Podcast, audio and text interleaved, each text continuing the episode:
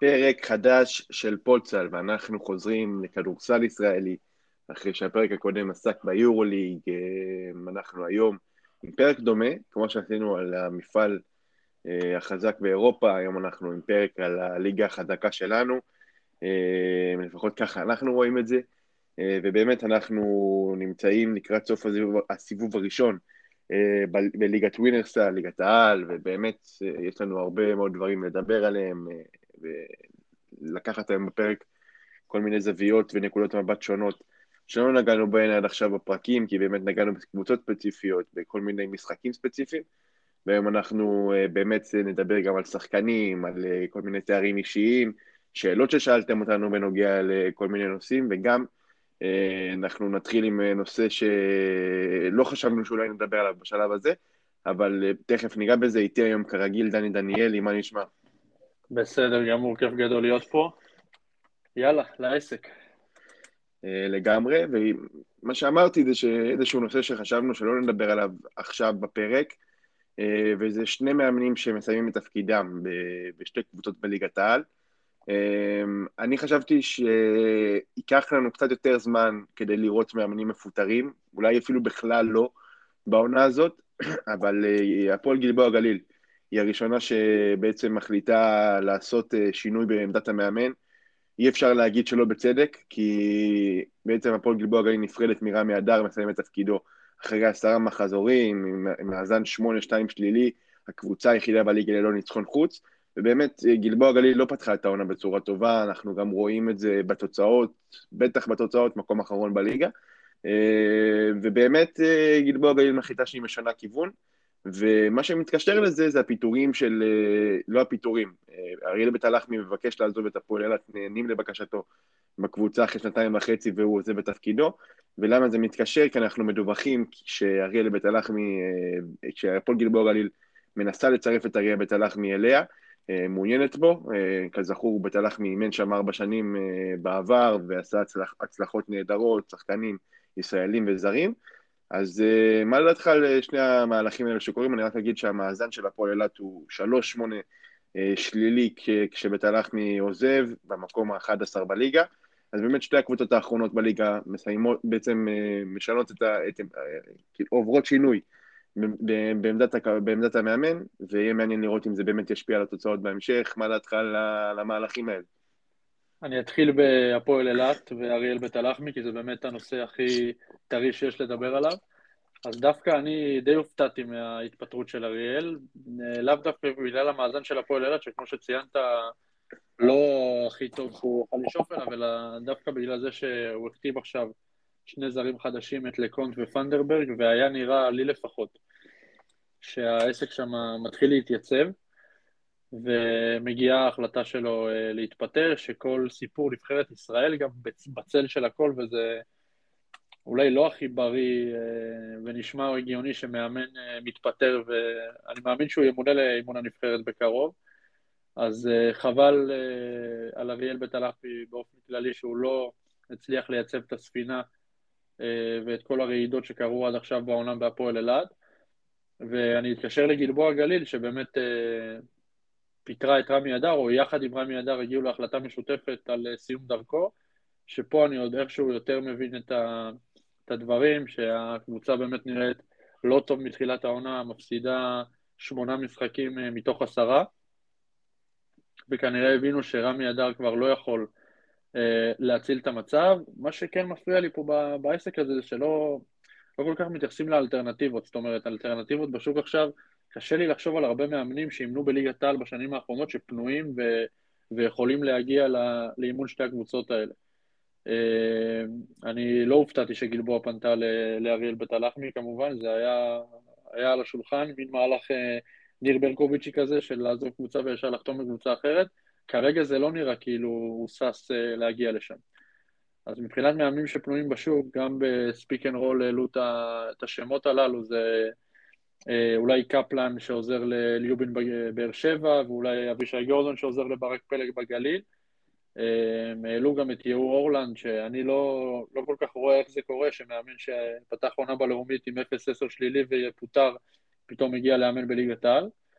אז גם מעניין לראות מי המאמנים שימונו, אולי מאמנים חדשים ייכנסו פה לשוק הבשר של המאמנים בישראל. העלו כל מיני שמות כמו, אני חשבתי על עמית בן דוד שעושה עבודה מדהימה בנוער של עמק חפר ואולי יעשה קפיצת מדרגה, אבל קשה לי באמת לחשוב על מישהו שככה מתפספס לי ובורח לי מהראש. אולי באמת גוני יזרעאלי ימונה בגלבוע עד סוף העונה בגלל החוסר באלטרנטיבה. אבל כן, אנחנו שרדנו בליגה עד חנוכה בלי פיטורי מאמנים, ועכשיו אנחנו כבר ב... סיימנו את החג וכבר יש שני מאמנים שסיימו את דרכם אה, בליגה. כן, אני מסכים איתך, אני חושב שגם, אה, אני מעריך שלא נראה עוד פיטורי מאמנים, אה, וגם לא בקשות לעזוב, כי אני חושב שבאמת מעבר לגלבוע גליל והפועל אילת שנמצאות באמת במאזנים לא טובים, גלבוע גליל 2-8 שלילי והפועל אילת 3-8 שלילי, אני חושב שכל שאר הקבוצות כרגע נמצאות באיזשהו מקום שהן עדיין ביציבות, אז לפחות בתקופה הקרובה אני מאמין שלא נראה עוד, עוד מהלכים כאלה, אבל אני מסכים לגבי האלטרנטיבות שכרגע בשוק לא ממש קיימות, אה, כי באמת אין מאמנים שאימנו בשנים האחרונות בליגה שיכולים לבוא עכשיו ולהיכנס לתפקיד גם בהפועל אילת, גם בהפועל גלבוע גליל, אז יהיה מעניין לראות מה הפתרון ששתי הקבוצות האלה ימצאו. אה, ומכאן אנחנו נמשיך אה, לנושא, לנושאים שאנחנו תכננו לדבר עליהם בפרק. שוב, אה, בדומה לפרק היורוליג שלנו, באמת line-up אה, מאוד דומה, רק כמובן על הליגה שלנו, אז מצב הטבלה כרגע בליגה הישראלית, במקום הראשון הפועל תל אביב, לאחר מכן מכבי תל אביב במקום השני, שלישי, רוני נס ציון הרביעי, הפועל חולון, חמישי הפועל ירושלים, שישי הפועל חיפה, שביעי הפועל באר שבע, שמיני הפועל גליל עליון, תשיעי עירוני קריית אתא, עשירי בני הרצליה, אחד עשר הפועל אילת ו-12 הפועל גלבוע גליל, אה, שבאמת אנחנו מסתכלים על הטבלה ואנחנו רואים פה שש קבוצות, שבע קבוצות, שכרגע ברמה אחת אולי מעל כולם, והמצב של הטבלה כרגע בסיבוב הראשון מעיד לנו גם על הגביע, אה, שיטת גביע המדינה שונתה, ובעצם אה, שמונה הקבוצות שמסיימות בש... בשמונת המקומות הראשונים. בסיום הסיבוב הראשון של ליגת העל, אין אלו ש... יזכו לכרטיסים לשלב רבע רבע גמר גביע המדינה, ובעצם כרגע הפועל תל אביב, מכבי תל אביב, עירוני נס ציונה, הפועל חולון, הפועל ירושלים, הפועל חיפה והפועל באר שבע לקחו את הכרטיסים, הבטיחו אותם במקומות 1 עד 7, ובמקום השמיני יש לנו קרב בין הפועל גליל עליון, עירוני קריית אתא ובני הרצליה לכרטיס הנוסף. אמ, מה דעתך על המצב כרגע של הטבלה בליגה, והאם זה בכלל מעיד לנו משהו לקראת ההמשך?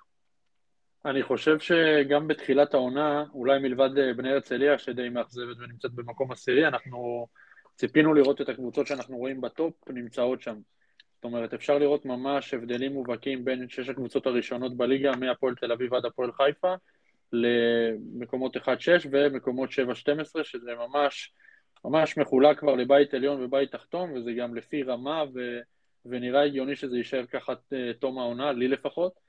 אה, בשונה מעונה שעברה לצורך העניין, שהפועל תל אביב, שהיה לה עונה יחסית טובה, שהייתה בבית תחתון, אנחנו רואים פה באמת אה, חלוקה לשני, אה, לשתי רמות שבערך מפרידות את הליגה שלנו, וכיף לראות שהליגה ככה תחרותית, ושכל קבוצה פתאום יכולה להפתיע כל קבוצה, במיוחד במקומות 1-6 עם התוספת של הפועל חיפה ושל עירוני נס ציונה שמוסיפות עניין גם ונותנות תחרות לארבעת הגדולות שלנו. וכמו שאמרת לגבי הגביע, באמת אנחנו... אני חושב שכולם נהנים אה, מה, מהגביע, מהשבוע הזה שכולם משחקות משחק נוקאוט אחד, וכל הקהלים, ושיש תואר שמונח על הכף. ובאמת אני חושב שהמלחמה על הגביע תהיה בדם, יזע ודמעות על תואר, שאני חושב שיש לא מעט קבוצות שיכולות לקחת אותו. שאין איזה מועמדת אחת אה, ברורה לקחת את התואר הזה. אה, רק נזכיר שאין חשיבות למיקומים אה, בקשר ליתרון ביתיות, היתרון הביתיות בגביע המדינה הוא לפי הגרלה. זאת אומרת, אה, הפועל תל אביב עכשיו במקום הראשון, לצורך העניין תפגוש את גליל עליון במקום שמיני, יכול להיות שהמשחק ייערך בכלל בכפר בלום בגלל ההגרלה. רק להעלות פה את הנקודה הזאת, אז באמת עד עכשיו סיבוב ראשון כיפי, מרתק, צמוד, במיוחד בחלק העליון של הטבלה. כיף גדול בליגה שלנו. כן, אני מסכים איתך, אני חושב שבאמת uh, הליגה שלנו עכשיו, נמצאת באיזושהי נקודה של שתי דרגות. מקומות 1 עד 6 זה באמת קבוצות חזקות, עמוקות, שבאמת, כמו שאתה אומר, יש לנו ארבע קבוצות חזקות שנמצאות כרגע מעל כולן, שזה הפועל תל אביב, מכבי תל אביב, הפועל חון והפועל ירושלים. ויש עוד שתי קבוצות שיכולות לקרות תיגר, אנחנו רואים אותן כבר עושות את זה. עירוני נס ציונה והפועל חיפה, קבוצות עמוקות, קבוצות שגם אה, לקחו ניצחונות מול הקבוצות האלה. אה, ויהיה מעניין לראות אה, מה, מה הן יעשו בהמשך, כי באמת כשאנחנו ניכנס לפלייאוף, הן יכולות לעשות דברים יפים ולהגיע רחוק. הפועל באר שבע, לעומת כל הקבוצות שמתחתיה, כרגע מאוד יציבה. אמנם הפער במאזנים הוא לא גדול, אבל הפועל באר שבע כרגע משחקת כדורסל טוב, וגם קבוצה יחסית עמוקה. בינתיים ליאור ליובין עושה שם עבודה נהדרת. שתי ניצחונות גדולים על הפועל ירושלים וגם על עירוני נס ציונה. שבעצם אה, נותנים להפועל באר שבע את הבוסט בטבלה, ובאמת כרגע כיף לראות אותם. מפתיע אה, קצת, לא? השיפור של כן, באר שבע? לגמרי מפתיע, כי באמת כשהסתכלתי על הסגל שלהם בקיץ, אה, הם היו אולי מועמדים 1-2 לרדת ליגה. גם פתחו את העונה נורא, פתחו את העונה מזעזע, ובאמת מפתיע מאוד הקפיצה הזאת שהם עשו. וזאת הנקודה שאני מתחבר אליה, כי הרבה מאוד פעמים בליגה שלנו מביאים זרים כדי להגיד שהביאו, או שסתם מביאים איזשהו שחקן, ובהפועל באר שבע הביאו חתיכת שחקן, גרג וויטינגטון, כשהוא שחקן ברמה מאוד גבוהה, אה, שיחק ב-NBA, שיחק בגלת עשרה, לא מדובר פה בעוד שם, גם מכיר את הליגה שלנו שזה עוד פלוס, והוא משדרג את הפועל באר שבע מתחת לסל, ובאמת, מתחת לסלים משני צידי המגרש. ובאמת כיף לראות אותם, ומעבר לזה, הפועל גליל עליון, עירוני קריית אתא, בני הרצליה, הפועל אילת והפועל גלבוע גליל, אני חושב שאני מוציא את בני הרצליה מהמשוואה, אבל כל, ה... אבל הפועל גליל עליון, בני הרצליה, לא בני הרצליה, הפועל גליל עליון, קריית אתא, אילת וגלבוע גליל מלאים מועמדות לירידה כרגע, אנחנו באמת, אי אפשר לדעת מי תרד, כי באמת מדובר בקבוצות שבערך באותה רמה כרגע, אה, והקרב על הירידה השנה יהיה מאוד מאוד מעניין, כי באמת יש פה קבוצות שאולי אף אחת מהן לא ברמה של ירידה, אז יהיה מעניין לראות איך, איך אה, זה מסתיים. ואנחנו נגיע לזה בהמשך. אמ, אנחנו נעשה רגע סיכום מהיר למשחקים שלנו במחזור. אמ, אני קודם כל חייב להגיד שאני מאוד שמח שהמשחקים ביום שישי הופכים להיות קבועים, שזה באמת דבר ש, שטוב לכדורסל הישראלי וכיף לראות את זה קורה. אז הפועל באר שבע מנתחת את עירוני נס ציונה 97-92 ביום שישי. אמ, ביום שבת הפועל אילת מפסידה להפועל חיפה, הפועל חיפה עם אה, ניצחון אה, באילת, 97-79. הפועל חולון מנצחת בקריית אתא, 97-85. אתמול מכבי תל אביב מנצחת אה, את גליל עליון בכפר בלום, 96-67. והיום אנחנו מקבלים משחק ענק. הפועל ירושלים מארחת את הפועל תל אביב, נגיע לזה בהמשך, ובני הרצליה תשחק נגד הפועל גלבוע גליל במשחק הראשון ללא רמי אדר, כמו שאמרת, גוני יזרעאלי יעמוד על הקווים, אנחנו כרגע זה לא באופן קבוע, אבל נראה מה יהיה בהמשך. אה, מה דעתך על המחזור שהיה לנו פה? לא הסתיים, אבל בינתיים. עד עכשיו, אה, באמת, הליגה יודעת להבטיח משחקים גדולים, אז עד עכשיו המשחק לדעתי הכי טוב במחזור היה בין הפועל באר שבע לנס ציונה. דרמה, יום שישי, קללות, מכות, אלעד חסין, די.ג'יי קופר, כל מה שאנחנו אוהבים אה, בליגה שלנו, הערכה כמובן עם איך אפשר אחרת, אז זה לדעתי היה המשחק הכי, אה, הכי בולט במחזור. הייתה הערכה בבאר שבע או שאני ממציא?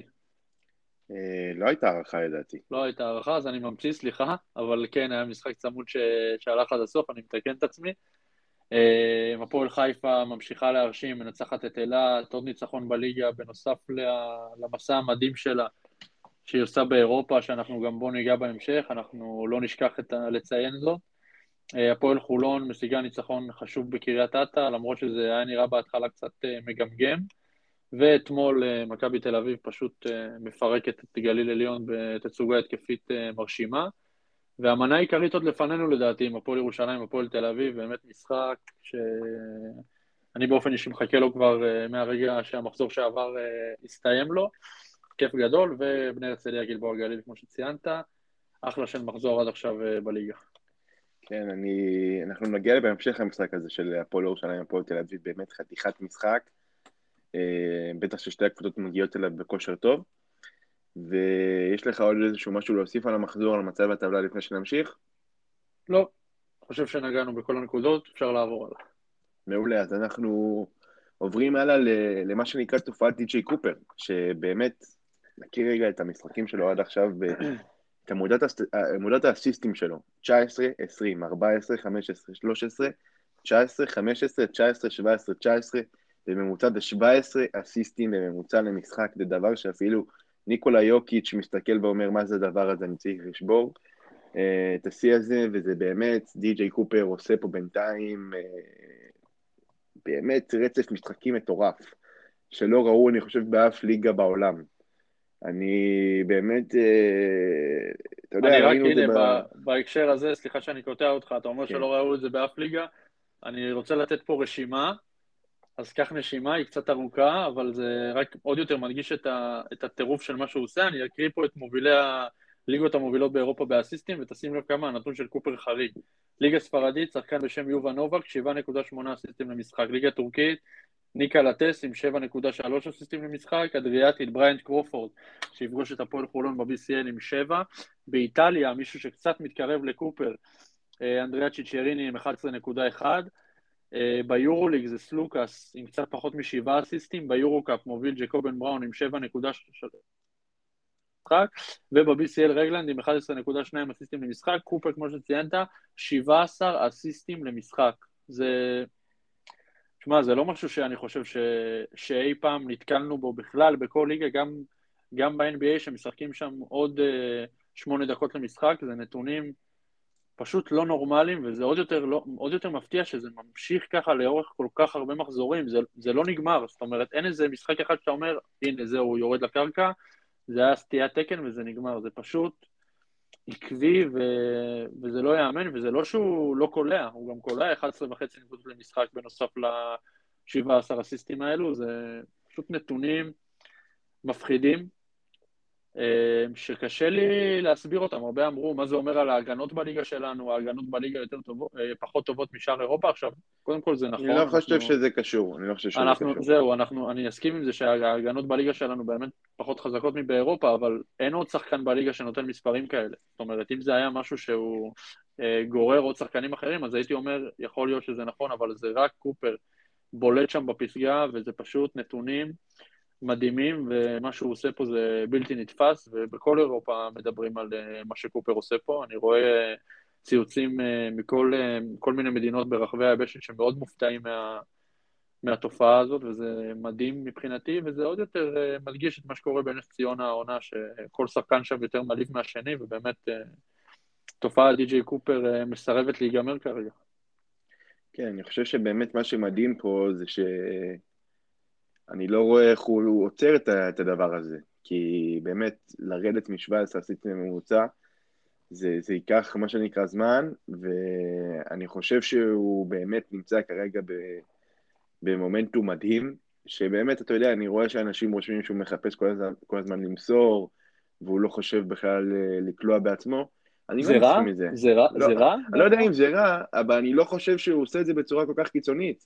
אני חושב שיש קודם כל מקום בנס ציונה להיות שחקן שרק מוסר עם כל כך הרבה כישרון שיש שם, אז כן, יש מצבים שהוא לוקח את הצעד אחורה, מחכה לראות אה, מה התקפה מביאה, והוא נותן את הכדור הנכון. אני לא חושב שיש עוד הרבה רכזים שהיום צריכים לעשות את זה ברמה הזאת, ובאמת הוא כרגע עושה את הדברים בנונשלנט מדהים, כי באמת החוכמת משחק שלו... ראשון, הוא גם ראשון בחטיפות בליגה, אם כבר אנחנו מדברים על... אה, על נתונים שלו, שזה עוד uh, נדבך בעונה המדהימה שלו. באמת, זה, זה נתונים שלא ראינו, ואני חושב שגם לא נראה בשנים הקרובות בליגה. ואם... וכולי, אני חושב שההגנות בליגה לא טובות אה, ביחס לשאר אירופה ובכלל, אבל אני חושב שזה לא קשור לקופר, אני חושב שגם עם הגנה חזקה, וראינו את זה גם בדוגמה מול הפועל ירושלים, הוא עשה עבודה יוצאת מן הכלל. אה, ובאמת מדהים לראות את זה. זה מסביבו יש כל כך הרבה כישרון שזה הופך את נס ציונה לעוד יותר חזקה, ובינגו גדול של ילד חסין, שבאמת אה, אנחנו רואים אותו בשנים האחרונות מביא זרים מבחוץ, אבל אה, עם, עם scouting מדהים, אבל פה הוא לוקח את קופר מתוך הליגה, וגם את זה צריך לדעת לעשות, והוא עשה את זה בצורה מצוינת. יש לך עוד איזשהו נתון, משהו לגבי קופר? לגבי קופר לדעתי נגענו מספיק, באמת תופעה מדהימה, אם יש מועמד בולט ל-MVP, בשנה שעברה היה לנו את אונואקו, אני חושב ש... שכרגע קופר נמצא בראש. אז אה, אם דיברנו כבר על נתונים ומספרים ומשמעויות, אז קח את הבמה עם, ה... עם הפינה של, ה... של העכברים. אז זהו, פינת העכברת פה, כל העכברים להתפקד, לשים, אה, לחזק את האוזניות. נעשה פה מצב אה, סריקה זריז על כל מיני נתונים בליגת העל, שאולי קצת אה, יפתיעו אתכם, ובכלל לתת תמונת מצב על מה שקורה בליגה.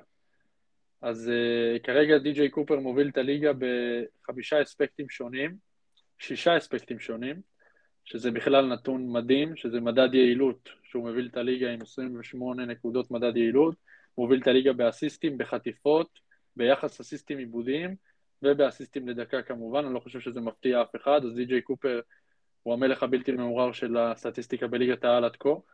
מלך הסלים של הליגה הוא טיילר ביי בסיבוב הראשון עד כה עם 23.2, ארי גרין ממש מעט מאחוריו עם 22, מלך הנקודות הישראלי הוא תומר גינת שמגיע להפועל תל אביב אחרי שנתיים בצרפת, ומיד אחריו ממש עם 0.1 נקודות פחות ממנו נתנאל ארצי, מי שמוביל את הליגה בפלוס מינוס. הוא הישראלי המוביל של אה, מכבי תל אביב, רומן סורקין, מיד אחריו תומר גינת, מיד אחריו יפתח זיו.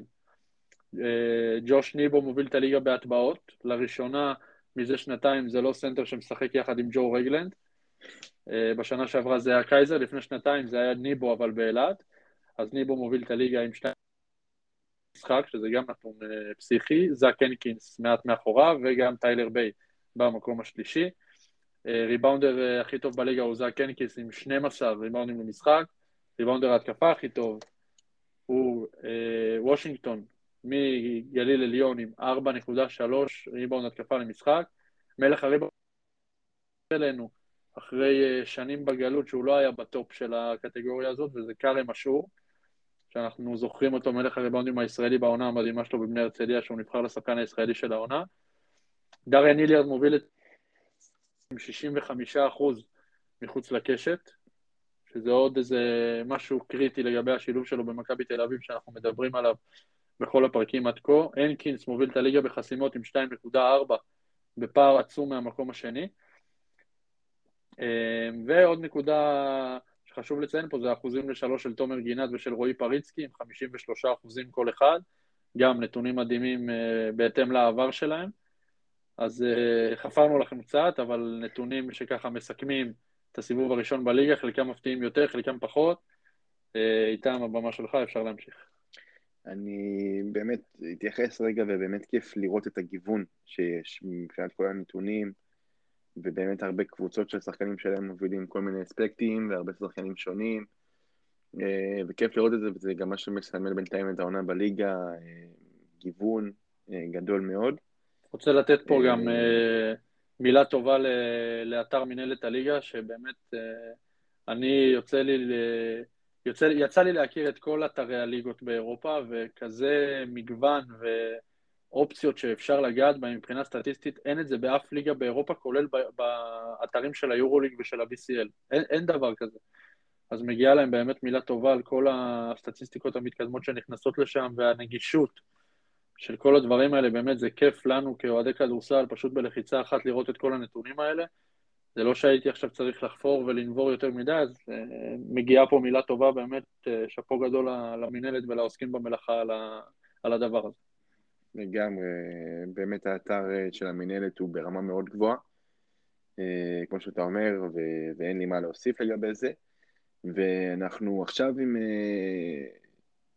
תארים אישיים, חמישיית עונה, אה, עד השלב הזה בעצם של, של העונה, לקראת סוף סיבוב ראשון. ונתחיל עם חמישיית העונה, ונעשה את זה כמו ביורוליג, נגיד אה, עמדה עמדה. אני, בעמדת הרכז, אני חושב שאנחנו, אה, זה די ברור על מי הלכתי שם. זה די.ג'יי קופר, כמובן, שהוא באמת, אמרנו את כל הנתונים המדהימים שהוא עושה בינתיים, אה, מי הרכז שלך בחמישייה עד עכשיו? כמובן גם אה, די.ג'יי קופר, אבל רק כי אבי בן שימול פרש כבר ואני לא יכול לבחור אותו. אבל כן, אני גם הולך עם די.ג'יי קופר, אה, אי אפשר להתעלם ממה שהוא עושה, דיברנו עליו מספיק הפרק, באמת עונה מדהימה שלו, והוא גם המועמד מספר אחד שלי ל-MVP. אז בעמדה מספר 2 בחרתי מישהו מעמדה מספר 1, כי באמת רציתי לתת הרבה נציגויות וגיוון, אז הלכתי עם אנטוני איקי מהפועל חיפה, אני חושב שבאמת זה השחקן הכי טוב העונה של, אה, של שרון דרוקר, עם 14.2 נקודות בממוצע למשחק, 47 אחוז ל-2, 35 אחוז ל-3, כמעט חמישה ריבאונדים למשחק, שישה אסיסטים, אה, ו-16 נקודות מדד, 16 אה, וחצי נקודות מדד בממוצע למשחק. באמת אנטוני איקי הוא בינגו גדול של, אה, של הפועל חיפה, שהייתה צריכה איזשהו רכז משמעותי, מוביל, מדהיג למשחק, ושרון דרוקר מצא את השחקן המתאים ביותר, ברמה גבוהה, וכיף לראות אותו, באמת שחקן נהדר. מי אתה בחרת? קודם כל אהבתי מאוד את הבחירה שלך באנטוני איקי. אה, גם מחוץ לקופסה וגם אה, ראוי, אחלה בחירה. אני, גילוי נאות, אני רשמתי לעצמי לפני הפרק אקסביה רנפורד, ואני משנה עכשיו, אה, כי עדיין לא אמרתי ואין פה נגעת נסעת, אני אשנה לארי גרין, שבאמת נותן מספרים מדהימים בהפועל חולון עם 22 נקודות למשחק, 60 אחוז ל-2, 37 אחוז ל-3, 85 אחוזים מהקו, שזה נתונים באמת מדהימים, הפועל חולון נמצאת בטופ של הטבלה. אז היה לי אתמול את ההתלבטות בין גרין למנפורד, החלטתי ללכת על מנפורד ואני משנה עכשיו לגרין, גם בזכות הנתונים האלה וגם בזכות השינוי שהוא עשה בחולון והמיקום של חולון בטבלה עד כה. כן, אני, אני חושב שבאמת קריס, סליחה, אה, ארי גרין אה, נותן עונה טובה, ואם כבר נגענו לגביו, אז יהיה מעניין לראות מה קורה איתו, אם הוא ממשיך בהפועל חולון, לא ממשיך בהפועל חולון, אז יהיה מעניין לראות.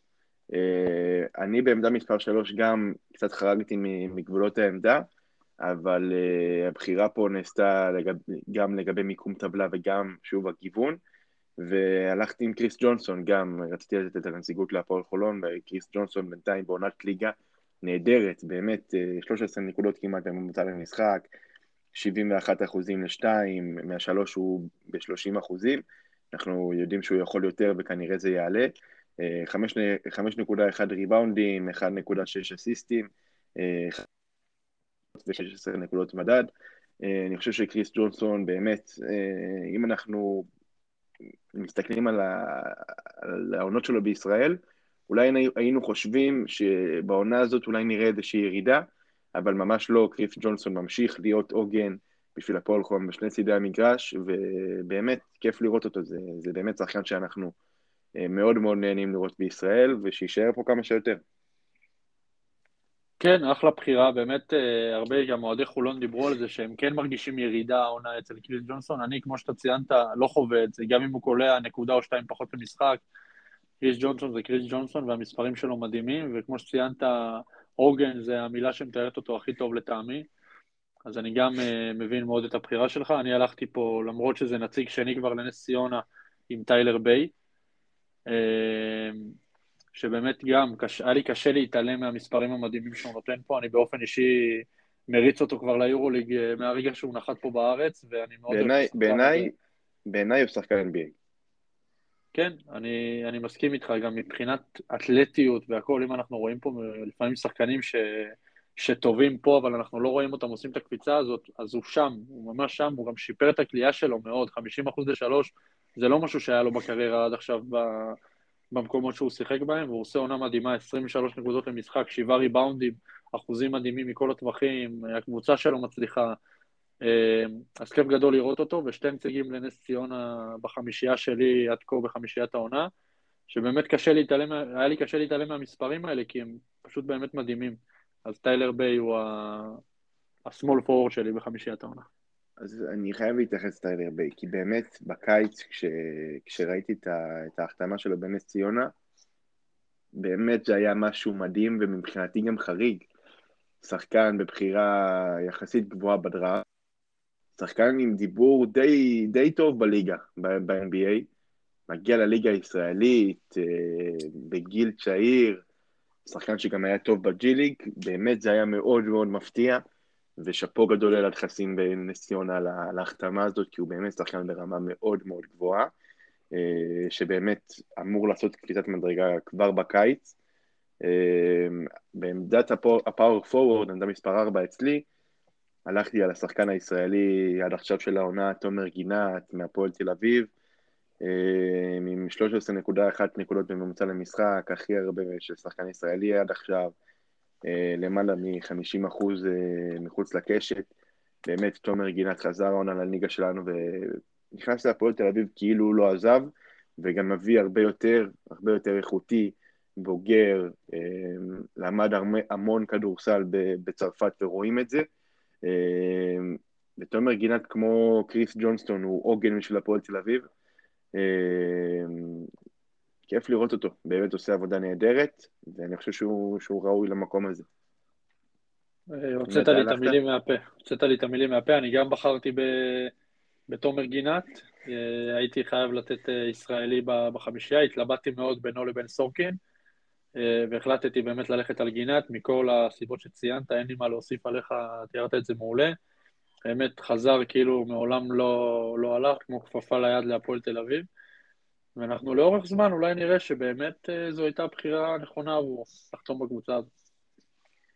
כן, אני... בעמדת הסנטר הייתה לי התנגדות, ועדיין יש לי אותה, ולכן אני גם אגיד שני, ש... שתי שמות, אה, אני אחרוג מה... מהפורמט. אז קודם כל נציגות למכבי תל אביב, אה, ג'וש ניבו, אני חושב שג'וש ניבו עד עכשיו בעונה בליגה הישראלית, אולי ביורוליג עדיין לא שווה ממש ניצחונות למכבי תל אביב, אבל בליגה יש איזה שלושה ארבעה ניצחונות שאני חושב שג'וש ניבו יש לו חלק מאוד מאוד משמעותי בהם. אה, באמת ברמת הליגה הוא שחקן מאוד חכם, יודע אה, להתמקם ליד הטבעת, לקבל את הכדורים ולייצר יעילות ברמה גבוהה.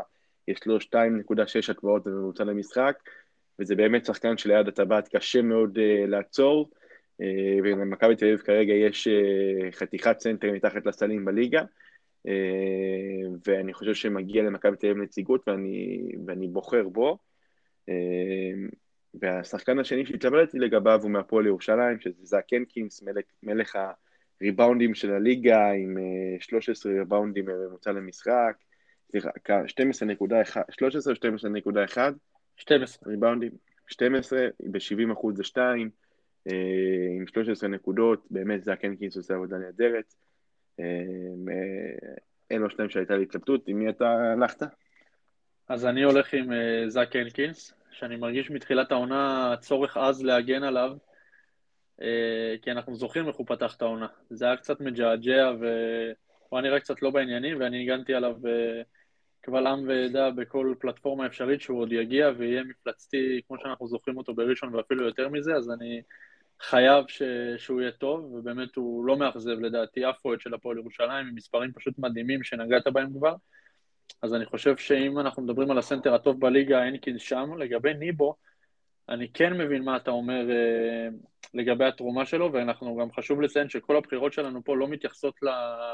יכולת של השחקן באירופה. אנחנו מדברים נטו על ליגה ואיך שהשחקן מופיע בליגה, אז לגבי ניבו אני מסכים על, על היעילות שלו והאתלטיות שלו, אני חושב שמה שכן נקודה חלשה שלו זה באמת לא החוכמה שלו כבן אדם כמובן, אלא חוכמת המשחק שלו לדעתי היא ברמה די נמוכה, אינטליגנטית המשחק שלו, כי אני לא רואה אותו מוציא כדורים החוצה לקיקאוטים כאלה, ואני כן פחות רואה אותו רואה שחקנים פנויים, ובדרך כלל כשהוא מקבל כדור בצבע זה נגמר בזריקה שלו לסל, כי הוא פשוט אה, ענק ירוק בתוך הצבע ואי אפשר לעצור אותו, אז הוא מאוד מסתמך על הכוח שלו.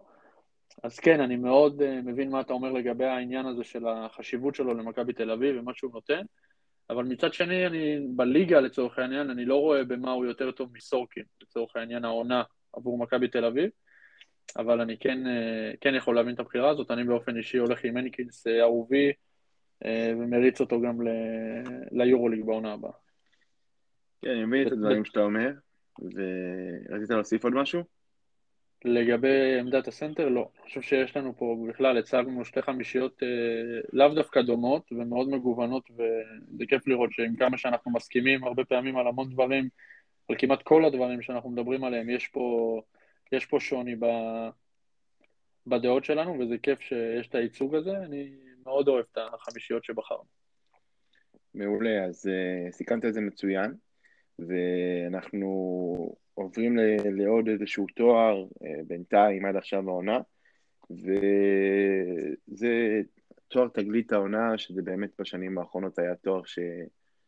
ששחקנים נהדרים זכו בו, והעונה אני חושב שיש לנו שחקן אחד שהוא כרגע מתבלט מעל כולם, אה, וזה רועי פריצקי של הפועל באר שבע, שזה באמת עוד תוצר נפלא אה, של ליצור נתניה, שבאמת איזה כיף שיש לנו את הקבוצה הזאת בליגה הלאומית, שבאמת כל שנה מוציאה עוד ועוד שחקנים ישראלים, נותנת הזדמנות, ואנחנו רואים את זה ברמת ליגת על אה, מתפתח. אז רועי פריצקי העונה עם 7.1 נקודות בממוצע למשחק, 52 אחוזים מהשלוש, 6 ריבאונדים ו-1.6 אסיסטים. אחלה רועי פריצקי, באמת כיף לראות אותו, את ההתקדמות שלו, ראינו את זה גם בנבחרת העתודה בקיץ, ובעיניי הוא תגלית העונה, ואני גם חייב לתת את הקרדיט לליאור ליובין והפועל באר שבע, שנותנים לו את ההזדמנות, הוכיח שהוא שווה אותה. עם מי אתה הלכת? מסכים איתך במאה אחוז. אני קצת, יש לי בלאגן בראש מה ההבדל בין תגלית לצעיר העונה. אני אף פעם לא, לא מבין יש תואר כזה ליגה... צעיר העונה?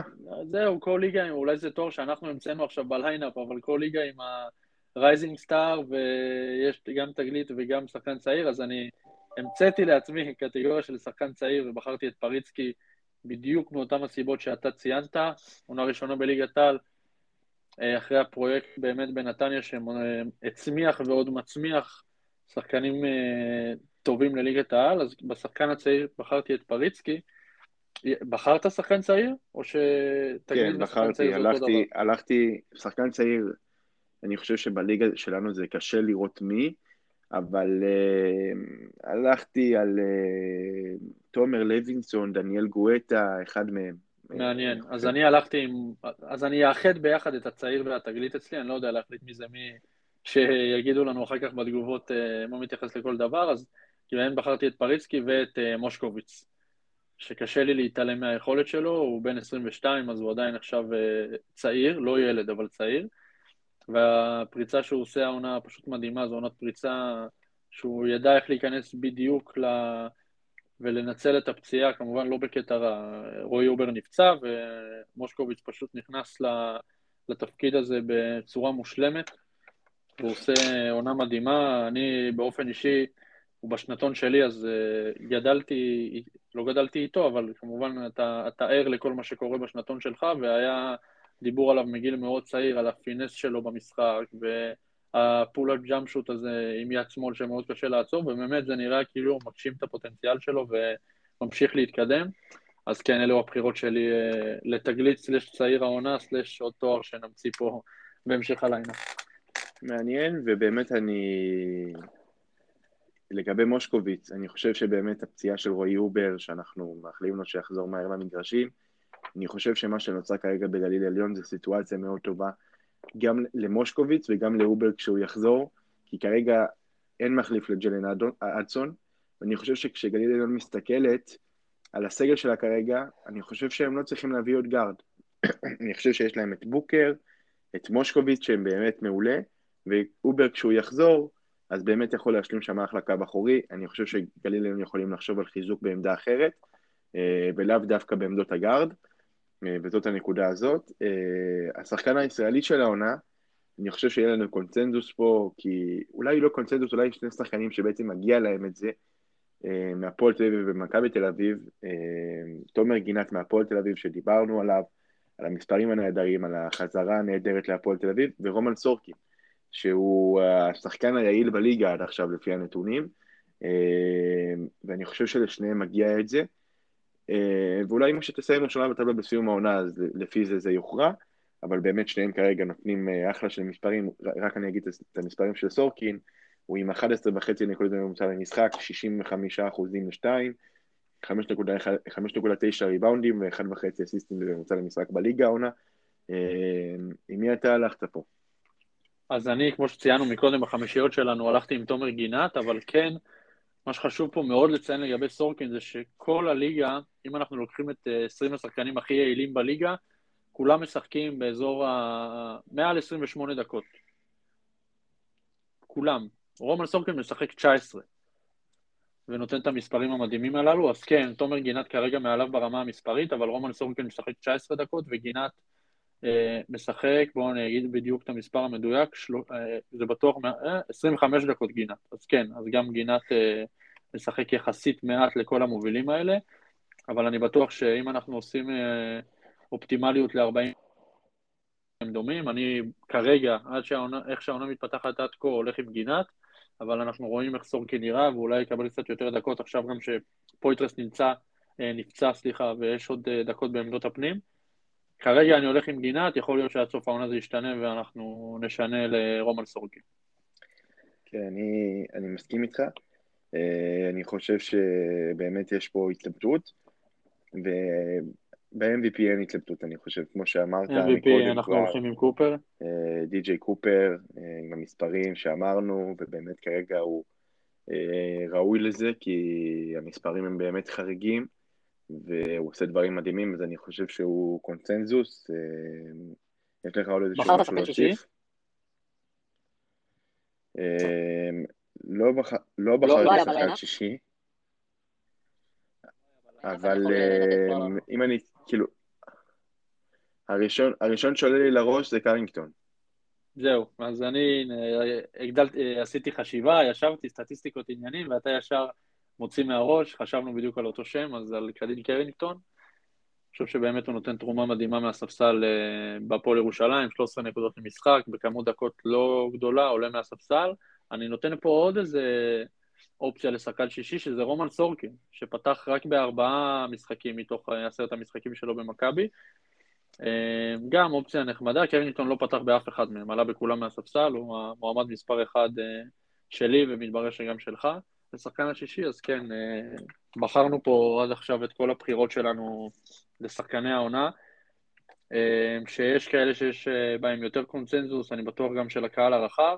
יש כאלה שיש פה מקום לדיון בנושא חמישיית העונה וכל הדברים הללו, אבל כיף, אה, כיף לבחור וכיף לראות פה התקדמות של שחקנים שדיברנו עליהם, ושחקנים טובים בליגה שלנו, שזה תמיד כיף, אה, כיף לראות וכיף לדבר.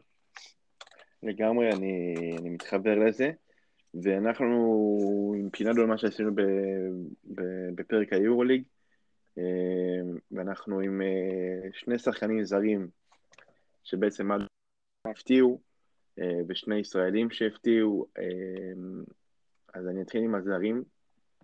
הראשון שבחרתי, הלכתי לשני שחקנים מאוד אה, פופולריים בליגה, והראשון זה מוריס קמפ.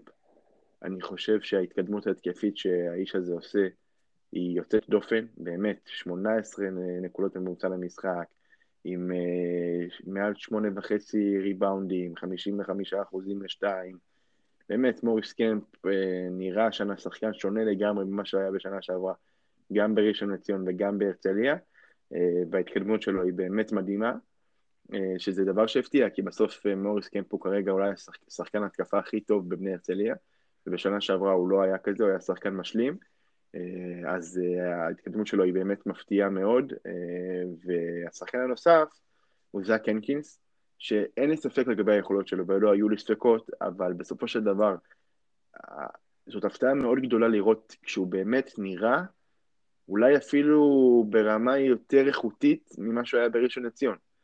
כי באמת זאק הנקינס תורם, אם נתייחס רגע גם לאירופה, גם באירופה הוא תורם מאוד. בליגה אנחנו ראינו מה קורה להפועל ירושלים כשהוא לא משחק בבאר שבע, ראינו את הפועל ירושלים באמת מאחד המשחקים הכי חלשים של העונה, אז באמת מפתיע מאוד לראות שזאק הנקינס הוא כרגע השחקן מספר אחת של הפועל ירושלים, שלמרות כל מה שאנחנו יודעים על האיכות שלו, אה, אני חושב שזה היה לא כל כך צפוי בפתיחת העונה לראות שהוא באמת יהיה אה, השחקן המספר אחת של הפועל ירושלים.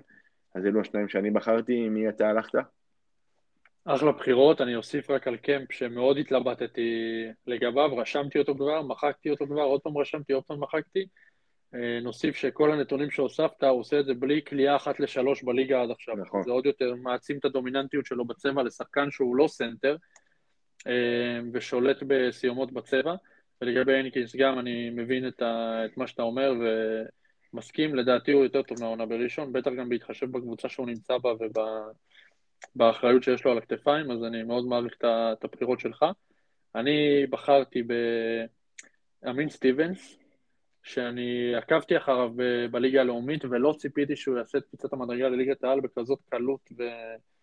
פשוט אה, נכנס, עלה מדרגה ובלי שום הסתגלות, בלי שום דבר, להיות הזר אה, מספר אחד של קריית אתא גם בליגה הראשונה, עם 15 וחצי נקודות למשחק, שמונה ריבאונדים, הקבוצה לא נמצאת כל כך בתחתית כמו שחשבתי שהיא תהיה, והיא עוד במאבק על אה, להיכנס לגביע, שזה בכלל משהו שלא לא חשבתי שאני אראה.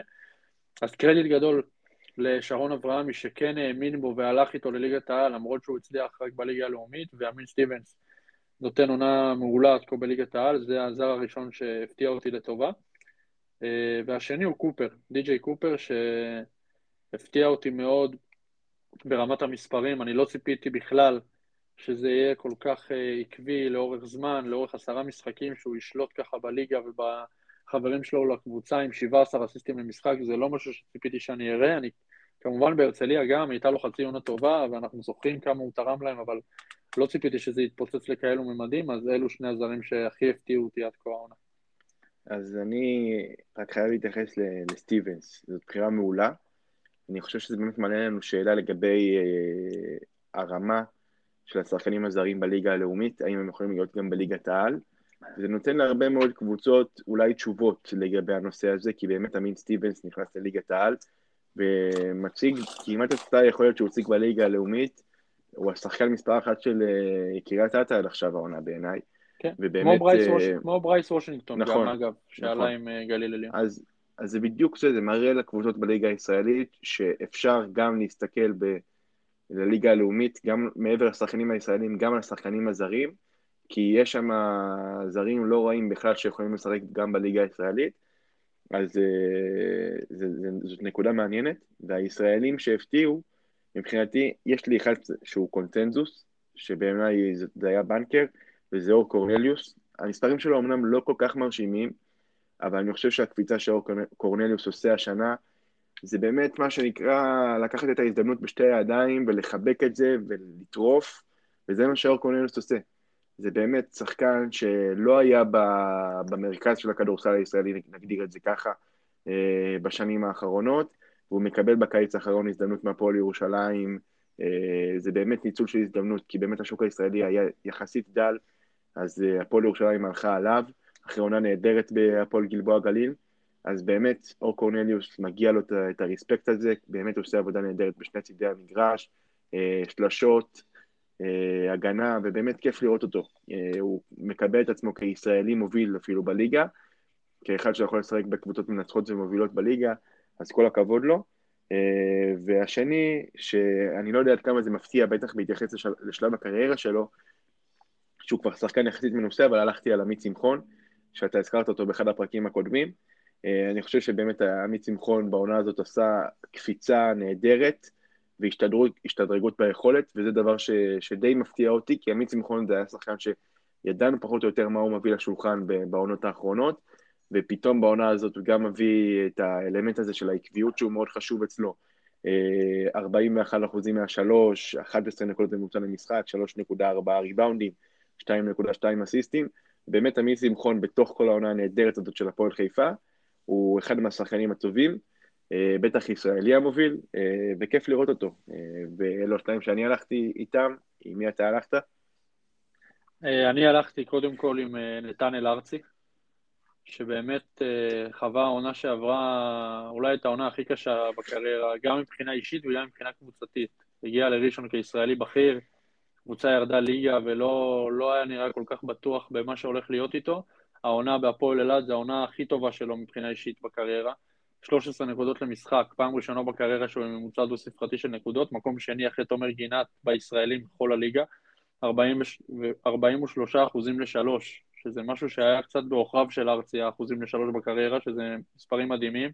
הכי הרבה אסיסטים בקריירה למשחק, הכי הרבה ריבאונדים למשחק, אז באמת הקפיצת מדרגה שלו, קודם כל אותי מאוד הפתיע איך הוא קם באופן מנטלי מהעונה שעברה בראשון, וגם ראינו אותו בנבחרת, אה, בחלון שהיה, שהוא היה מעולה, וגם המספרים שציינתי עד עכשיו בהפועל אילת, אז מאוד מפתיע אותי איך שהוא קם מה... מהקושי של העונה שעברה להוביל קבוצה ולהיות באמת ישראלי בכיר, כמו שהוא כל הקריירה חיכה להיות. אז הוא הישראלי הראשון שהפתיע אותי לטובה העונה, והשני זה כרם אשור, שציינתי אותו כבר מקודם, אה, גם הרצליה הלך למכבי תל אביב ודי נעלם, עונה שעברה בגליל עליון שהייתה חלשה בלשון המעטה, והעונה בקריית אתא אצל שרון אברהם, שוב הוא חוזר למספרים שהיינו רגילים ממנו בימים היפים, עם 11 וחצי נקודות ושבעה וחצי ריבאונדים למשחק. עוד נציג לקריית אתא פה בבחירות שלנו. משור וארצי, הישראלים שהפתיעו אותי טובה, וכיף לראות שלמרות ירידות בקריירה של שניהם, כל אחד באספקט שלו, הם ידעו להתרומם ולחזור לנקודה הכי טובה שהייתה להם בקריירה ואפילו להשתפר ממנה, אז קודם כל כיף לראות אותם, והם הישראלים שהכי הפתיעו אותי עד כה. אז כן, אני, אני חושב שבחרת שחקנים נהדרים, אה, אני חושב שנתנו פה אחלה של בחירות. אה, אני חושב. אני לא חושב, אנחנו נמשיך עכשיו לצד השני של הדבר הזה, ולזרים שאכזבו ולישראלים שאכזבו. אמ, קודם כל הזרים, אמ, הלכתי על שניים, אה, כמובן, לא כמובן, כמובן שני, שני זרים, אנחנו בוחרים שתיים בכל קטגוריה כאן. אז אה, סי.ג'יי וויליאמס מעירוני נס ציונה זה השחקן הראשון שבחרתי. אה, סי.ג'יי וויליאמס הוא שחקן מאוד מנוסה, שגם כשהוא, כשהוא הגיע לליגה בדומה ל... לא, לא בדומה, זו סיטואציה קצת אחרת מטיילר ביי, אבל גם כשהוא הגיע זה באמת היה קצת מפתיע מבחינתי. שחקן שהוא סוג, סוג של בקליבר של NBA, ג'י ליג, אז, אה, ובינתיים הוא לא מביא יכולת כל כך טובה לעירוני נס ציונה, גם עכשיו ששרוני יארל פצוע, למרות שהיה לו משחק טוב בבאר שבע, אני חושב שזה עדיין לא, לא מה שציפו. אה, והשחקן השני זה, זה טרל מהפועל אילת, אה, ג'ארד טרל. אה, שכרגע לא נותן את מה שהוא הביא בקדנציה הקודמת בהפועל אילת. יכול להיות שזה עוד ישתנה, בטח שהפועל אילת עוברת כרגע שינוי, גם תעבור שינוי גם בעמדת המאמן, גם, גם יש רכז חדש, אז אלו השניים שאני בחרתי, מי, מי אתה בחרת? אני בחרתי קודם כל בדיאנטה גארט, שאני ציפיתי לראות אותו הרבה יותר בולט בקריית אתא, המון... הימרו עליו כמלך הסלים של הליגה בתחילת העונה, ובאמת אה, זה לא שם כרגע. 12 נקודות אה, בלבד בממוצע למשחק, שזה, אנחנו רגילים לקבל ממנו הרבה יותר ב-30 דקות. אז כן, יש לו עוד שחקנים שהם אה, יחסית סקורים בקריית אתא, עם שבון לואיס וקארי משור שציינתי מקודם, וכל השמות הללו, אמין סטיבנס, אבל אני ציפיתי באופן אישי ליותר מדיאנטה גארט, גם ברמה האישית וגם ברמה הקבוצתית, אז הוא השחקן הראשון, הזר הראשון שאולי הכי אכזב אותי. והשחקן השני, אתה תהיה אולי מופתע לשמוע, ואני אגיד שוב לפני שכל המאזינים מרימים גבה, שאנחנו מתייחסים רק למספרים בליגה ולא למספרים באירופה, אז השני הוא לורנזו בראון, שהגיע לפה בכל תרועה לליגה, ובמשחקים שהוא שיחק, הוא שיחק שבעה משחקים, יש לו מספרים אה, מאוד מאוד נמוכים, אה, שש נקודות בלבד, 39 אחוזים לשתיים, 26 אחוזים לשלוש בלבד. אה, בליגה ב-21 דקות, שזה לא כמות אה, נמוכה כל כך. אז אני חושב ששוב, זו תופעה ידועה שגם דובר עליה הרבה, ששחקנים שמשחקים בשתי מסגרות, שמגיעים לליגה, הם לוקחים את זה בהילוך ראשון ולא מייחסים את מלוא החשיבות, אבל אני חושב שגם בהתחשב בנסיבות האלה, זה נתונים נמוכים מדי, בטח לשחקן בקליבר של לורנזו בראון, אז ברמה האישית בליגה, אה, הוא השחקן השני, הזר השני שאכזב אותי. אני רוצה להתייחס ללורנטו בראון, אני חושב שזאת בחירה מעולה. אה, אני חושב שלמכבי תל אביב יש שתי, שתי נקודות מבט לגבי זה. אחת, זה שאולי זה דבר טוב שהיא רואה שמה, שהיא מנצחת משחקים, אה, גם כשלורנזו בראון לא ממש בולט בליגה הישראלית, וזה מראה על העומק שיש במכבי תל אביב, שזאת נקודה טובה. אה, ומהצד השני, גם מבחינת לורנזו בראון, גם מבחינת מכבי תל אביב, לורנזו בראון באמת לא הגיע עדיין העונה לליגה הישראלית, לא ראינו אותו עדיין ברמת אינטנסיביות ויכולת כמו ביורוליג, אה, וזה באמת לדעתי לדאוג לגביו לקראת ההמשך, כי בסוף זה לא, כשיגיע הפלייאוף הוא יעשה 1, 2, 3 ופתאום יהיה ברמה גבוהה. אה, הליגה הישראלית זה לא, זה, אנחנו יודעים שזה לא עובד ככה, וגם מבחינת מכבי תל אביב לראות שבשנים האחרונות שהיו לו שחקנים מובילים, ווילבקין, אה, זאת הדוגמה הבולטת, טיילר דורסי, שחקנים שהיו מעולים גם ביורוליג, גם בליגה הישראלית, ולורנזו בראון ממש לא הגיע עדיין העונה לליגה הישראלית, אה, וגם מבחינתו שחקן ברמה כזאת, המספרים האלו בליגה הישראלית, מבחינתו אני חושב שזה לא משרת אותו כל כך, אז זה, זה דבר שקצת מוזר, כי מכבי תל אביב לא בעיניי אמורה לוותר על הכוכב שלה בליגה הישראלית. אני לא חושב שזה מועיל לה גם אם מנצחת משחקים, שזאת נקודה שתהיה מעניינת לקראת ההמשך. ושני הישראלים שבחרתי, שיכתבו עד עכשיו העונה, הם אלו שני ישראלים שמשחקים בהפועל גלבוע גליל, שאני חושב שעם מאמן חדש אולי זה ישתנה. תחת רמי אדר לפחות זה לא ממש עבד, למרות שעמית זיס שיחק אצלו, בהפועל באר שבע, אז בחרתי בעמית זיס ומירון רוינה. שני שחקנים נהדרים, אני חושב שבאמת פשוט בתחילת העונה הם, הם כרגע לא מספיק טובים, מספרים שלהם נמוכים. אה, וזה לא מה שציפיתי שהם יביאו להפועל גלבוע גליל, חשבתי שהם יהיו קצת יותר טובים, אה, בעיקר זיס, שהייתי בטוח שהוא ייתן פה עוד איזושהי קפיצת מדרגה, אה, ואני חושב שרמי אדר, שמסיים את תפקידו בהפועל גלבוע גליל, אחד הדברים שהכי פגעו בהם מתחילת העונה, זה התרומה של הישראלים, ואלו שניים שהיו אמורים להיות המובילים, והם כרגע לא, לא מספקים את המספרים ואת היכולת ש, שחשבנו שהם יספקו. אז אה, אלו השניים שאני הלכתי איתם, עם מי אתה הלכת? אני אוסיף עוד שחקן של אה, גלבוע גליל, בנוסף לשתיים שציינת, שזה צוף בן משה, שגם עם מספרים מאוד נמוכים בתחילת העונה, מכל הטווחים, כל האחוזים, כל האספקטים, אה, ירידה חדה במספרים שלו, וכמו שציינת, באמת זה ממשיך את הקו של, ה... של חוסר התרומה המספקת של ישראלים בגלבוע גליל. אה, ישראלי נוסף, מתאזרח נוסף שבחרתי זה פרדי בורדיון, שגם הוא עם מספרים אה, מאוד נמוכים בליגה ולא תורם מספיק בשביל אה, הפועל חולון, ופחות מביא את היכולות שלו לידי ביטוי העונה. ועוד אחד שאני רוצה פה להזכיר שהוא לאו דווקא מאכזב, אלא בכלל המסלול שהקריירה כרגע הולכת הוא מאכזב אותי לפחות ברמה האישית, זה יותם חנוכי, שאני ציפיתי אז, לפני 4-5 שנים, שהוא הוזכר בנשימה אחת עם ים הדר ודני אבדיה וכל החבורה הזו, שהוא יהיה בשלב אחר כרגע בקריירה. פורוורד, חזק, כליאה, יכולת כדרור, הייתי בטוח שהוא יהיה כבר ב... בשלב אחר בקריירה, והוא בקריית אתא, וגם העונה הזאת היא די באמצע, מספרים אה, סבירים, שבע נקודות למשחק, לא יותר מדי. אז אני לא יודע אם זה אכזבה, העונה הזאת, אה, אכזבה גדולה ברמה האישית, אבל בכלל, מאיך שהקריירה הקריירה שלו עד כה מתפתחת, אותי באופן אישי זה קצת מאכזב ואפילו מבאס, כי אני ציפיתי שבשלב הזה הוא יהיה באחת מארבעת הגדולות, שחקן ישראלי משלים, אולי אפילו שחקן ישראלי מוביל, אה, עם כל סט התכונות שיש לו, אז אה, אלו הישראלים שהכי הכרזו אותי עד כה העונה. אמ, אחלה של בחירות, אני, אני חושב שעשינו כאן נקודה מעניינת, ואנחנו עכשיו אה, ממשיכים עם הנקודה הזאת, אבל עם קבוצות. אתה רוצה, אז, אני אה, חושב שאפשר לדלג על קבוצות, כי גם כבר נגמר לנו הזמן, וכבר אה, נכון.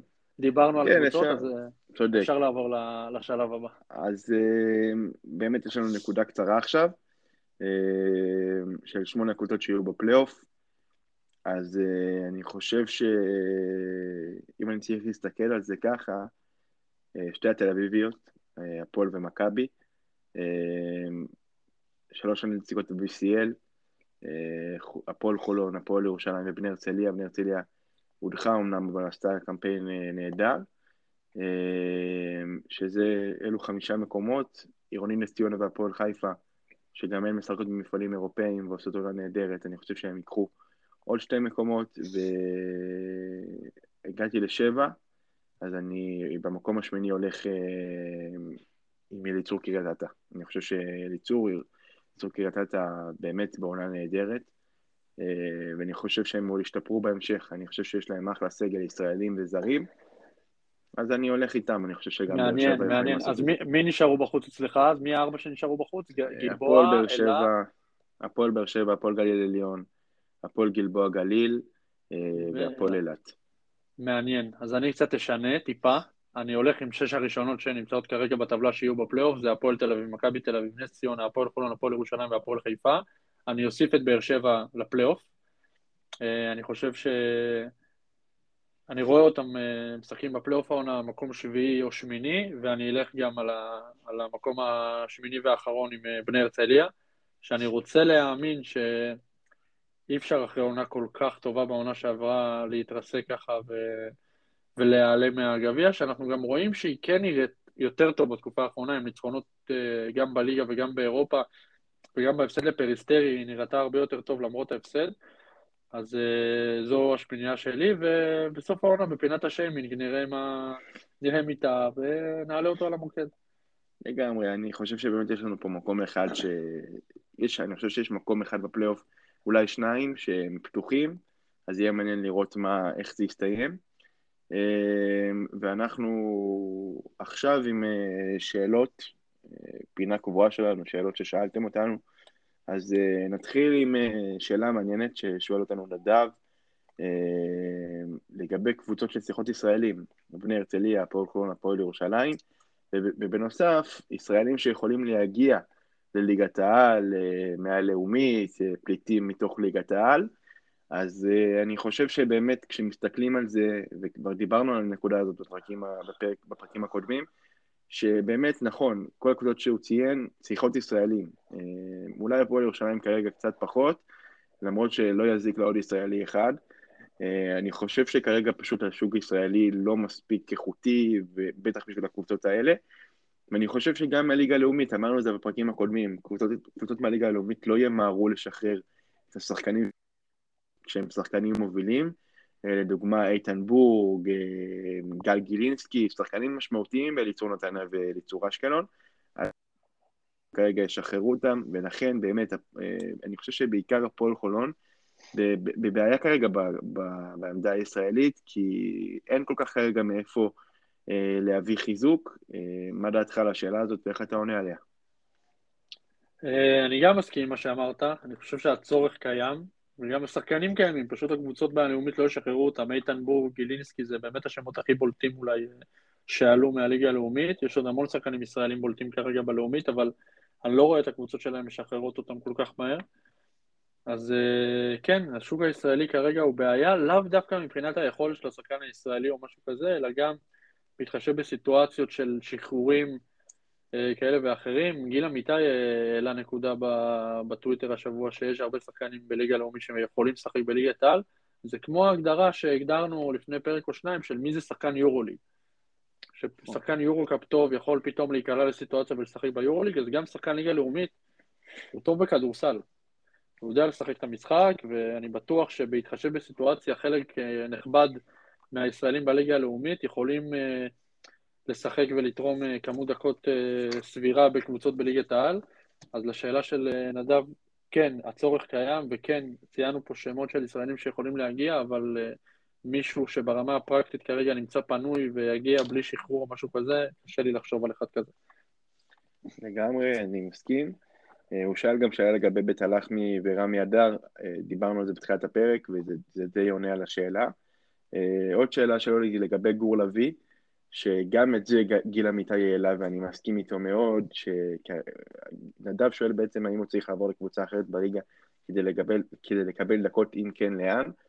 אני חושב שכרגע הפועל חיפה בעונה נהדרת, באמת, אה, ואולי כרגע גם שרון דרוקר אה, לא רואה לנכון אה, לשלב את גור לביא, כי באמת הכל עובד כרגע לשרון דרוקר ברמת הרוטציה, אז יכול להיות שכרגע לא מוצאים את המקום לגור לביא וזה הגיוני.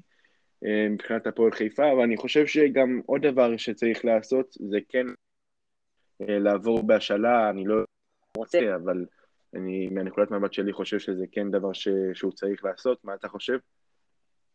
גם מסכים, הוא לא משחק מספיק, שזה גם מוזר לי, כי נלחמו עליו כל כך בקיץ, שחקן המריבה, ממש רצו אותו בקריית אתא, ונלחמו עליו בשיניים בהפועל חיפה, והוא לא מקבל את הדקות שלו, ואנחנו... אני חושב שהמסלול שלו כן טוב, שחקן אתלטי, גבוה, ראינו אותו גם בשלוש של שלוש, היכולת אישית שם אה, הגבוהה נדרשת, והוא לא מקבל בכלל דקות אה, בהפועל חיפה, שזה גם אה, מתסכל, אני בטוח שאותו וגם אותנו, כאחד שראינו שהולך לפרוץ. אז אני חושב, א', או שהפועל חיפה תוכל לתת לו עוד דקות, למרות שהיא מאוד עמוסה בעמדות הפנים. יש, תשמע, באמת... יש להם שם את ריימן, את ג'לן ג'ונס ואת שון ג'ונס, אפסטון. כן, הם מאוד... אי אפשר להגיד שאין שם שחקנים טובים. אז כן, בגלל זה אולי צריך למצוא סיטואציה אחרת. קשה לי להאשים את דרוקר, כי בסוף הוא רוצה לנצח, ויש לו שחקנים שכרגע לפחות הם יותר טובים מגור לביא בעמדות שלו. אין ספק. אז כן, אולי לאפשר לו לעבור לקבוצה כמו הרצליה לצורך העניין, שקצת יותר צריכה את, ה... גם הפועל חולון, גם הפועל כן, חולון. גם הפועל חולון, גם הפועל חולון, אבל מעניין לראות אם הפועל חיפה שכל כך נלחמה עליו תשחרר אותו. אז יופי של נקודה ש... שמעלים לנו כאן, ובאמת מעניין לראות איך זה יתקדם. אני לא רואה אותו מסיים את העונה בהפועל חיפה, אני מקווה בשבילו שהוא לא יסיים את העונה בהפועל חיפה. כן, אני מקווה אה, בשבילו שהוא יסיים את העונה בקבוצה שהוא ישחק בדקות אה, משמעותיות, גם אם זה בליגה הלאומית, למרות שהוא שווה ליגת העל, אז יהיה מעניין לראות מה קורה עם הסיטואציה הזאת. אה, ואנחנו נגיע לעוד שאלה של נדב בהמשך, יש לנו שאלה של גיל, שואל אותנו לגבי הכישלון של בני הרצליה למרות שמירת הסגל ואובדן גביע המדינה.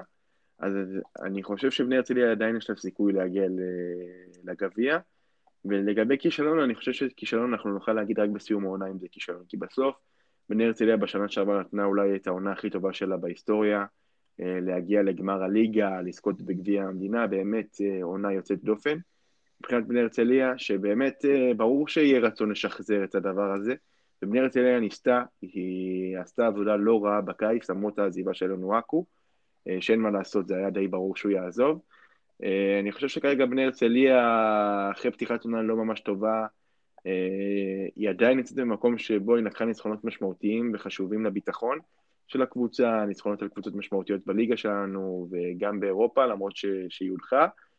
אז אני חושב שלגבי כישלון נוכל לקבוע רק בסיום העונה, אבל כרגע אני חושב שבני הרצליה עדיין אה, במקום, עדיין שום דבר לא נגמר מבחינתה, יש לה סיכוי עדיין להכל. אה, לא באירופה, אבל בליגה ובגביע, אז צריך לחכות ולראות מה קורה עם זה. מה אתה חושב? כן, גם מצד אחד כישלון אה, זה עוד מוקדם להגיד, אבל יש פה אכזבה, בטח בהתחשב בעונה שעברה, ושרוב הסגל נשמר, ואנחנו עוד יותר מבינים את, ה... את החשיבות של אנואקו בקבוצה של העונה שעברה. כמה הוא היה שחקן שהכל עבר דרכו, וכמה הוא חסר להם העונה. אה, אבל באמת, כישלון זו מילה גדולה כרגע, אבל יש פה מעין אה, אכזבה מסוימת, או חוסר, חוסר עמידה בציפיות, בוא נגיד ככה. ומעניין לראות לאן העונה הזאת תלך. אני חושב שאורן אהרוני מאמן מצוין, אני חושב שהיא כן תצליח להתגבר על המשבר, היא לא תזכה שוב בגביע, והיא לא תהיה בגמר כנראה עוד פעם, אבל אה, אולי כן תצליח להשתחל לגביע, וגם תצליח להיות בסוף העונה בפלייאוף, ככה שלהגיד כישלון זה עוד מוקדם, אבל כן, נקודה חשובה. טוב, אז אה, יש לנו שאלה משון לגבי מי הקבוצה הישראלית שהשיגה הכי הרבה באירופה עונה ביחס למעמד שלה. אה, מה אתה חושב? אני חושב שהתשובה פה היא חד משמעית הפועל חיפה. אני לא חושב שיש פה אה, דיון, כי הפועל תל אביב ציפינו ממנה להיות מה שהיא נהיית עכשיו. מכבי תל אביב גם בהתאם לציפיות אה, על סף הפלייאוף ביורולי, מתכתבת עם מקום שמיני. הפועל חולון גם אה, העפילה משלב הבתים, זה משהו שציפינו. הפועל ירושלים אולי אה, טיפה הפתיע שהיא עקפה את לודוויסבורג ועלתה מהמקום הראשון, אבל גם זה לא משהו שהעיף אותנו, והפועל חיפה, לעבור את הבית הראשון זה לא משהו שאני ציפיתי שהיא תעשה, על הבית מאוד קשה, ועוד שני ניצחונות בבית השני עכשיו, שבעה ניצחונות רצופים באירופה להפועל חיפה, אז אני חושב ש... שהיא הקבוצה שהכי, שהשיגה הכי הרבה ביחס למעמדה, בטח בהתחשב בעובדה שזה כנראה התשובה ש... שהשואל שאל אותנו, נכון. כי לפי מה שהבנתי הוא אוהד הפועל חיפה, אבל אה, כן, ש, שמגיע מגיע, וללא ספק אה, היא עלתה על הציפיות של כולם, ועושה עונה אירופית נהדרת. אין ספק שמגיע להם, וזה חד משמעית הם, שבאמת עושים עבודה נהדרת העונה באירופה. כל הכבוד לשרון דרוקר, שבאמת בנה סגל נהדר, והפועל חיפה נראית מצוין, עם ניצחונות נהדרים באירופה. היורופ קאפ זה אמנם לא מפעל, אה, אתה יודע, לא, לא מהחזקים באירופה, אבל עדיין, אה, יצאו פה למשחקי חוץ לא פשוטים, אה, שיחקו מול קבוצות שהם לא פוגשים, בסגנונות שלא פוגשים בליגה שלנו, אז כל הכבוד להם, ובאמת אני חושב שהם גם יכולים להמשיך במסע הנהדר שלהם באירופה, ובמקביל הם גם טובים בליגה, אז כל הכבוד להם לגבי זה. ויש לנו עוד שאלה, אה, לגבי, אה, אתה רוצה, לגבי הישראלים בצבע, אתה רוצה להתייחס לגבי מה קורה לכל הגבוהים? כן, שאלו אותנו כאן אם, אה, מה קרה לכל הגבוהים הישראלים ולמה אין יותר ישראלים בצבע, אז אני חושב שזה מושפע מכמה דברים. קודם כל, ההתפתחות של הכדורסל המודרני לשחק יותר בחוץ, ככה שישראלים גבוהים קצת יותר יוצאים החוצה פחות משחקים מסיבי בתוך הצבע, כמו שהיה לנו בעבר עם קוז'יקרו ויניב גרין לצורך העניין. כי הכדורסל פשוט הולך לשם. זה כמו שבליגה אנחנו רואים כרגע סנטרים הרבה יותר אתלטיים וקופצניים מאשר אה, סופו, סופואים כאלה או אנטזיזיצ'ים כאלה שהם עמדה חמש אה, טהורים. אה, אז יש לנו סנטרים ישראלים מעולים. סורקין, זלמנסון, סנטרים ישראלים מאוד מאוד בולטים, שמתמקדים בעוד דברים, בין אם זה לזרוק קצת לחצי מרחק, בין אם זה אתלטיות, לעלות לאליופים, דנקים, לשם הכדורסל של היום הולך. פחות לחפירות אה, והכול, להגיד לך שאני מת על זה, על כל המקום שהכדורסל הולך אליו, כן ולא, לא, לא ניכנס לזה עכשיו, אבל אני לא חושב שאין יותר ישראלים גבוהים, פשוט הם מתמקדים בדברים אחרים שהם לאו דווקא לשחק עם הגב לסל. מסכים איתך מאוד, אני חושב שנמצא את זה בצורה הכי טובה שאפשר. אה, ויש לנו עוד שאלה מנדב, יש לנו גם שאלות, אבל ענינו עליהן במהלך הפרק. אה, לא ישירות, אבל זה נושאים שדיברנו עליהם. אז נדב שואל אה, לגבי הפועל תל אביב, האם היא יכולה להסתדר אה, בלי ג'ייקובן בראון מבחינת סגל, אז אני חושב ש, שלגמרי כן, וזאת אה, הייתה כוונת המשורר, מה שנקרא, בקיץ, כשהפועל תל אביב החתימה את קסבייר מנפורד, שחקן מעולה בעמדות 1-2, שזה שחקן ש, שגם כשג'ייקובן בראון לא משחק, יכול לקחת על עצמו, וכמובן ג'ורדן מקריי, שראינו במשחק האחרון באירופה איזה שחקן מדהים הוא. אה, והפועל תל אביב יש לה סגל מספיק חזק, גם כשג'קובן בראון אה, לא משחק, היא יכולה לנצח משחקים גם באירופה, והיא הוכיחה את זה. אה, מה דעתך? אני חושב שלאורך זמן היא חייבת אותו. אין ספק, חי... זה ברור. חייבת אותו לאורך זמן, ואנחנו רואים גם לנצח בפרומיטאס בחוץ, בלי ג'קובן בראון, זה, ב, עם תצוגה כזאת, זה לא משהו שאנחנו ציפינו לראות מהפועל תל אביב, וזה עוד יותר מוכיח, מה שציינת, שכן אפשר בלעדיו למשחק, לשניים, אבל אני חושב שלאורך עונה זה יהיה מאוד מאוד קשה. אבל הפועל תל אביב קבוצה עמוקה, איכותית, שיכולה להצליח בלי ג'ייקובן, כמובן שעדיף לה להיות יחד איתו. אני חושב שפה אנחנו צריכים קצת אה, לדבר איזה בזריזות על המשחק המדהים שיש לנו היום בליגה ולהמר, כי אנחנו אוהבים להמר. אז הפועל ירושלים אה, מארחת היום את אה, הפועל תל אביב למשחק פסגה בליגה שלנו. אה, קרב בין שתי מועדונים גדולים, שתי קהלים גדולים. שתי הקבוצות מגיעות בכושר טוב, גם באירופה, גם בליגה. ומה, לאן אתה חושב שהמשחק הזה הולך? נתחיל במי תנצח, תן את ההימור שלך, אני אתן את שלי ונתקדם משם. אני... אין לי מושג את האמת מי תנצח את המשחק הזה. שזה גם מאוד יותר מדגיש כמה הליגה שלנו ת... אבל אני אתן הימור אחר, תהיה הערכה במשחק הזה. או גיל ברק משדר? אין, לא מעניין, יודע. מעניין, מעניין, זה מעלה את הסיכויים, אבל... אם כן, אה, בטוח, אבל... אה, הלוואי, הלוואי שתהיה הערכה. אני מאוד שמח שהקבוצות האלה מגיעות בכושר מעולה למשחק. זה באמת משחק אה, צמוד ומאוד מותח מצפה לנו שם. אני כן אאמר, שכמובן אה, קחו בחשבון שמה שאני אומר כנראה יהיה הפוך, אז אה, לכו למלא טוטו, אני הולך עם הפועל ירושלים היום. אני חושב שבארנה, בבית, והקהל, הקהל שלה בטירוף על המשחק, על המשחק הזה. אני חושב שהיא כן תצליח לנצח היום את הפועל תל אביב, שמה שאומר כמובן שהפועל תל אביב תנצח 40 הפרש היום בערב. אה, אז זה ההימור שלי, אני חושב שיהיה לנו אחלה של משחק היום בשעה שש, כנראה שרובכם תשמעו את הפרק הזה אחרי שהמשחק כבר שוחק, אבל uh, מצפה לנו משחק אש בארנה. מעולה, אז אנחנו עם הנקודה הזאת מסיימים את הפרק שלנו באמת. נגענו בהמון נקודות מהכדורסל הישראלי שלנו, שבאמת יש אה, גם הרבה עניין ונושאים לדבר עליהם, אז תודה רבה דניאל לפרק הזה, ונתפגש בפרק הבא. תודה רבה לך, היה תענוג כרגיל.